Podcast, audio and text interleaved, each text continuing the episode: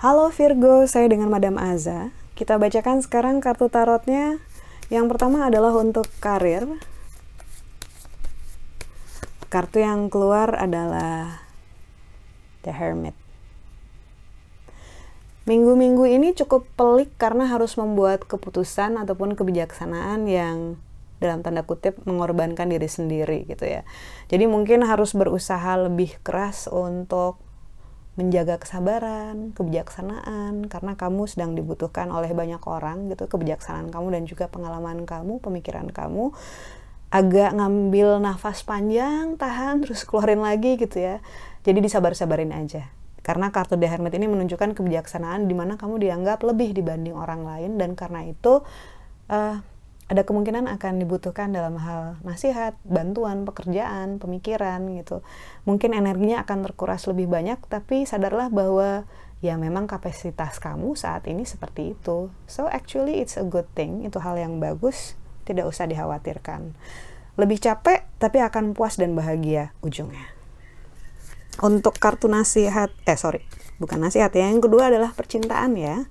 Percintaan untuk Virgo Kartu yang keluar adalah Emperor, Raja. Ketika kartu Raja, Emperor keluar dalam hal percintaan, ini menunjukkan bahwa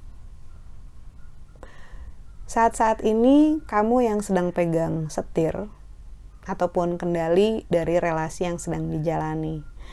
Uh, mau dibawa ke mana gitu, kamu yang nentuin. Karena kekuatannya, energinya sedang ada di kamu sekarang karena kartu The Emperor ini menunjukkan energi raja, menunjukkan adanya kekuatan, kemampuan untuk mengatur dan juga memimpin gitu. So, kalau misalnya kamu nunggu, malah justru nggak bagus karena justru orang lain yang nunggu kamu untuk bergerak ataupun make a move. Uh, karena kekuatannya, energinya, sedang kamu yang memimpin. Jadi silahkan dibuat keputusan ataupun keinginan-keinginan yang sesuai dengan harapan kamu. Kartu Nasihat untuk Virgo. Kartu yang keluar adalah The Tower. Sebaik-baiknya kamu, sepinter-pinternya kamu, sesabar-sabarnya kamu, kadang-kadang masih juga kejebak sama uh, jebakan ego diri sendiri. Kartu The Tower menunjukkan ego, menara yang dibangun tinggi disambar oleh petir. Petir ini merupakan pengingat dari Tuhan bahwa nggak boleh gitu.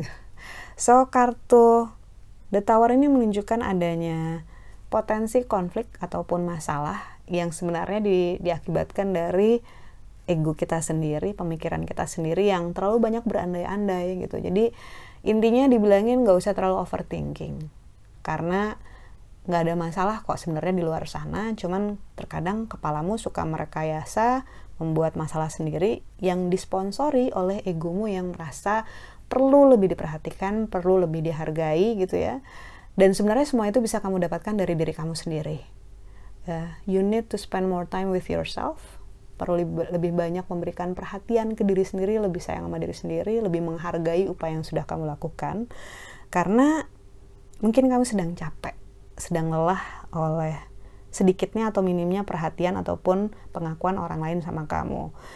Dan itu bisa memancing terjadinya konflik, karena itu diselesaikan dengan cara menolong diri sendiri, menghargai diri sendiri. Sebenarnya saya pengennya apa? Saya butuhnya apa? Istirahat, makan enak, tidur gitu ya, atau nonton uh, serial yang saya suka, hal-hal seperti itu. Dan jangan lupa untuk tepuk punggung sendiri bilang terima kasih karena sudah melakukan banyak hal hebat selama ini dan selama ini udah sudah cukup hebat untuk bertahan dan menolong orang-orang di sekitar kamu. Sekian bacaannya. Terima kasih, tolong bantu dengan cara like, subscribe, share, ataupun juga komen.